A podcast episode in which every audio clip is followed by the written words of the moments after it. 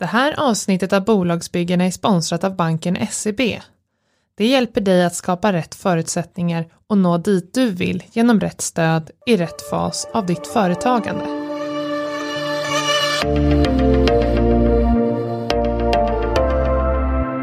Idag gästas vi av Max Rosenberg som är en av grundarna till det första miljövänliga byggmaterialet i Sverige. Rikoma som bolaget heter inspirerades av byggbranschens stora klimatpåverkan och ville bidra till att göra skillnad. Målet var att erbjuda branschen en produkt som radikalt kan minska mängden avfall och utsläpp som genereras, men som samtidigt är attraktiv och prisvärd utöver miljöegenskaperna. Resultatet är en byggskiva av 100% återvunnet material, tillverkad av avfall som räddas från förbränning. Det här är Bolagsbyggarna med mig, Amelie Skogström. En podcast där vi ställer raka och personliga frågor om hur det verkligen är att bygga bolag. I den här säsongen träffar vi bolagen som under hösten antogs till Business Challenge affärsutvecklingsprogram.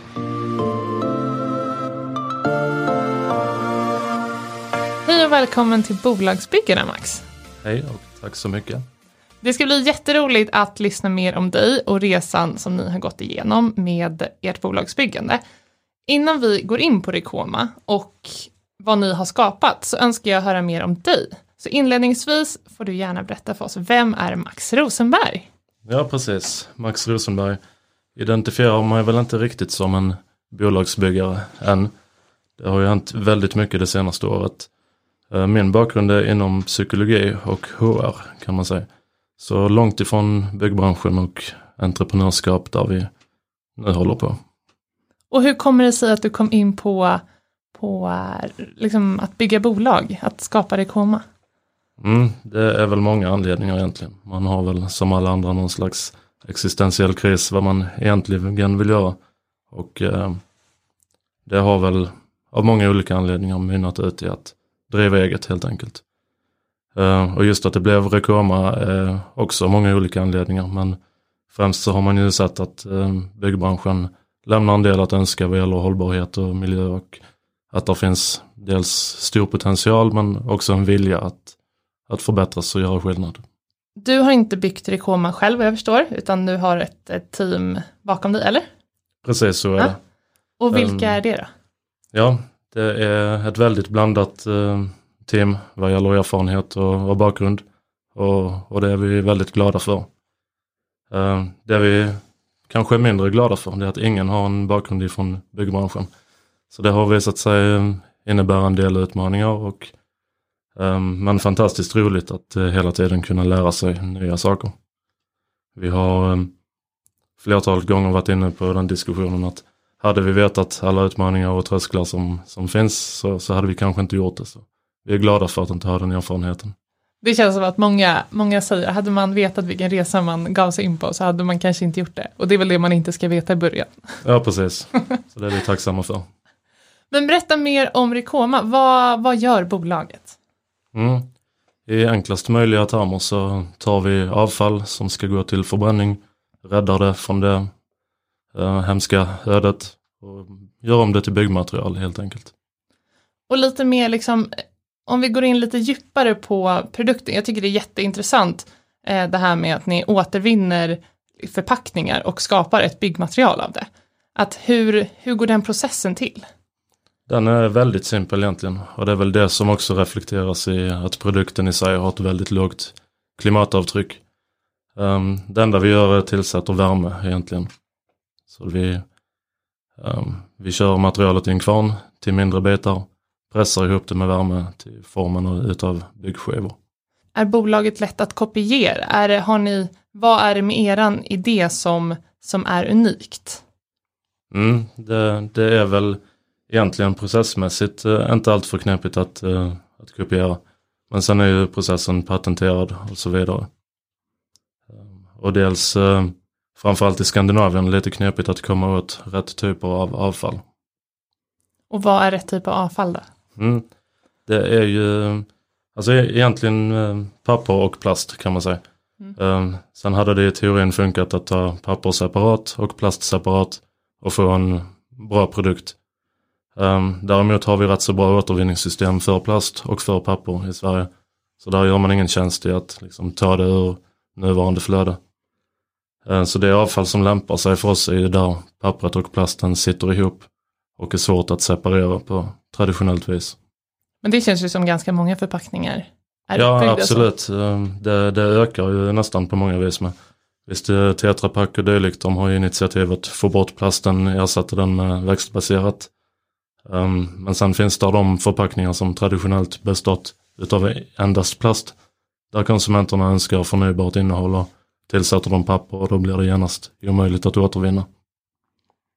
Och vad får ni tag på, alltså de här produkterna, hur fungerar det? Själva avfallet tänker jag. Köper ni de produkterna av eh, avfallshanteringsföretaget? Mm, det är olika från leverantör till leverantör. Ehm, det finns tillfällen där vi behöver betala för det och det verkar även finnas tillfällen där ehm, ja, ursprunglig hanterare är villiga att betala för att bli av med det. Eh, framförallt när det skickas direkt till förbränning så kan det vara kopplat till utsläppsböter, vad det nu kallas. För, för idag, hur jobbar bolagen med, eller de som faktiskt återvinner? Som du säger, eldar de produkterna? Mm, det är olika. Vi har ju, alltså den stora strömmen i Sverige går ju från hushållen ut till pappersbruket. Och eh, där följer ju all form av förpackningar med, pappersförpackningar, inklusive den här plastbelagda kartongen. Eh, på pappersbruket så löser de upp det i varmt vatten. Eh, de pappersfibrer de kan använda för nytt papper följer med. Och allt annat går ut vid sidan om, inklusive all plast och all aluminium som förpackningarna innehåller. Eh, det förbränns. Men sen har vi ett antal andra flöden som inte går via hushållen och så vidare. Där ofta slutstationen är förbränning direkt. Jag förstår. Och jag tänker bygg, bygghandlarna. Vart i processen är ni nu? Har ni en färdig produkt som ni säljer till? Vi har en färdig produkt eh, och vi säljer den.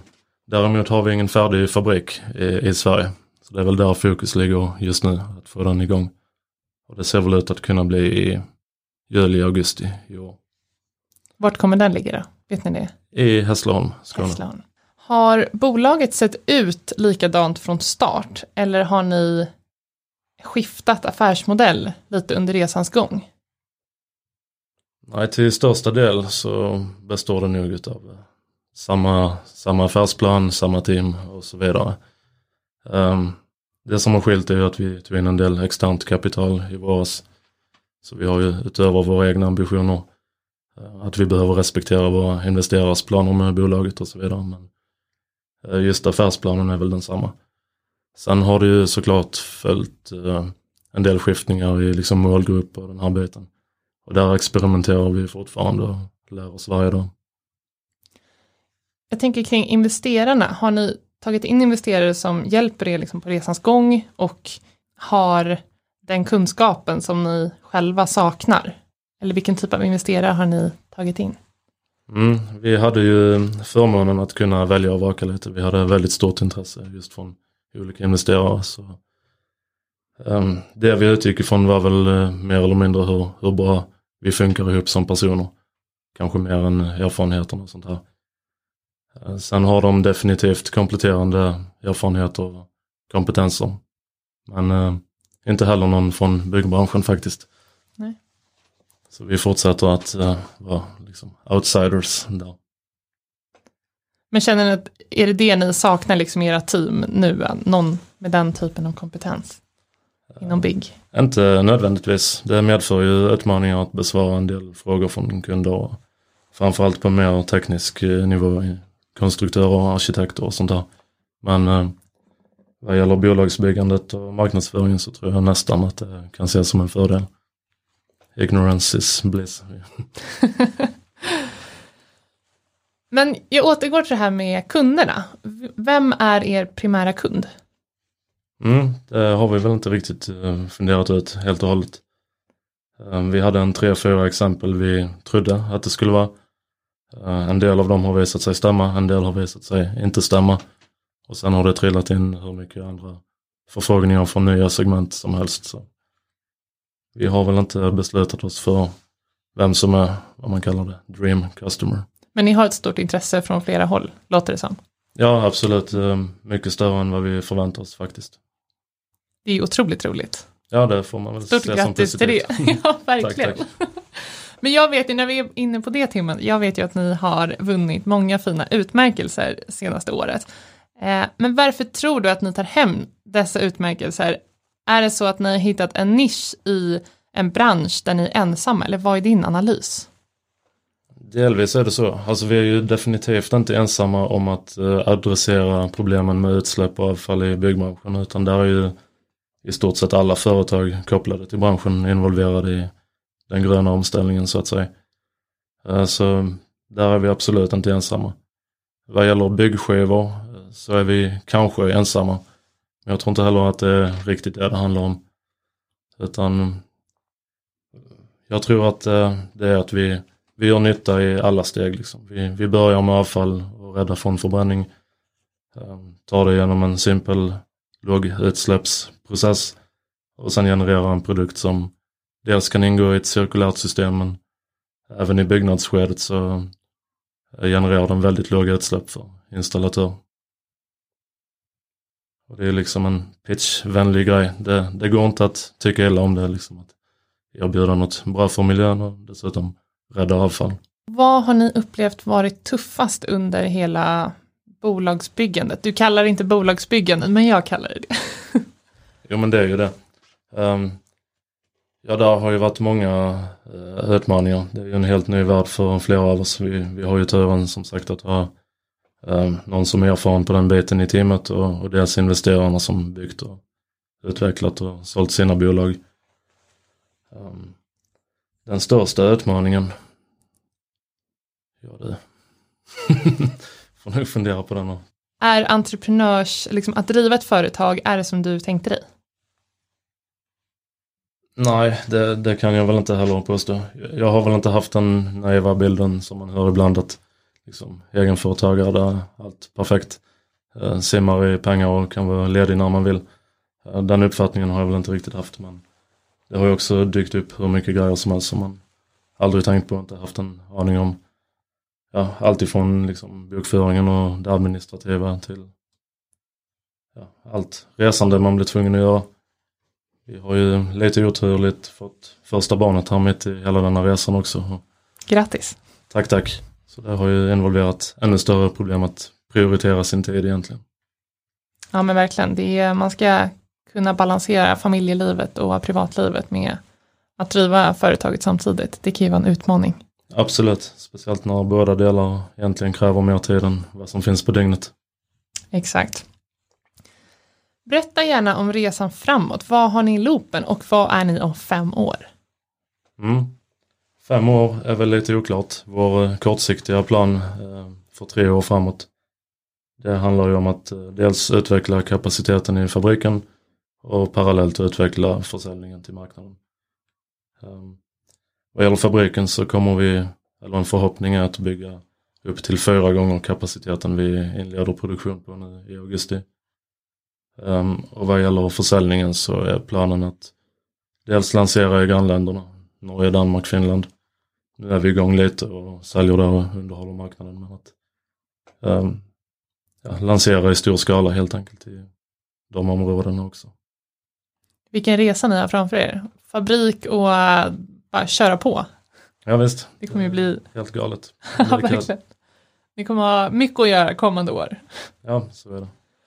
Ja, men vi pratade lite investeringar tidigare. Hur tänkte ni när ni skulle ta in kapital? Var det självklart att ni skulle ta in kapital eller hur gick era tankar? Nej, det var inte helt självklart. Vi ville väl egentligen, eller omständigheterna då såg ut som att vi kan driva det i liten skala och ha vår lilla nisch med våra små kunder. Men eh, det som eh, fick oss att ta- beslutet att vi vill ta in externt kapital det var ju att vi märkte en sån oerhörd efterfrågan på marknaden. Så att vi kommer att behöva bygga en större fabrik och hela den biten. Timingen. Ja, precis. Så liksom, målet med bolaget ändrades från att liksom, ha något att driva. Dels för skojs skull men ja, också att göra något som ett team och, och hela den biten. Men det övergick ju till att eh, faktiskt vilja bygga något riktigt stort. Hur tänkte ni kring värdering med bolaget inför att ni tog in pengar? Ja, det är ju en jättesvår fråga. Det är ju ett väldigt abstrakt koncept med värdering. Det är ju vad någon kan tänka sig, vad vill jag betala? Och det har man ingen aning om i, i vår situation. Det finns ju ett antal olika modeller och sådana calculators på nätet man kan gå in. Eh, så det var väl dels det vi använde oss av för att eh, hitta någon slags genomsnittssiffra. Och sen provade vi kommunicera ut den och märkte väl att det mer eller mindre höll i förhandlingarna. Jag förstår. Max, tack så jättemycket för att du har gästat Bolagsbyggen. Det var otroligt roligt att prata med dig. Ja men, tack detsamma. Kul att vara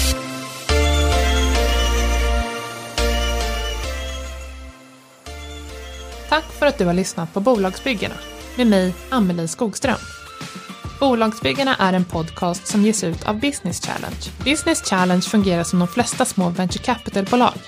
Vi har ett stort flöde av startups och väljer ut de mest spännande företagen med störst potential för tillväxt. Vi investerar kunskap, kompetens och kontakter genom vårt unika näringslivsnätverk. Ansök till vårt affärsutvecklingsprogram med ditt företag.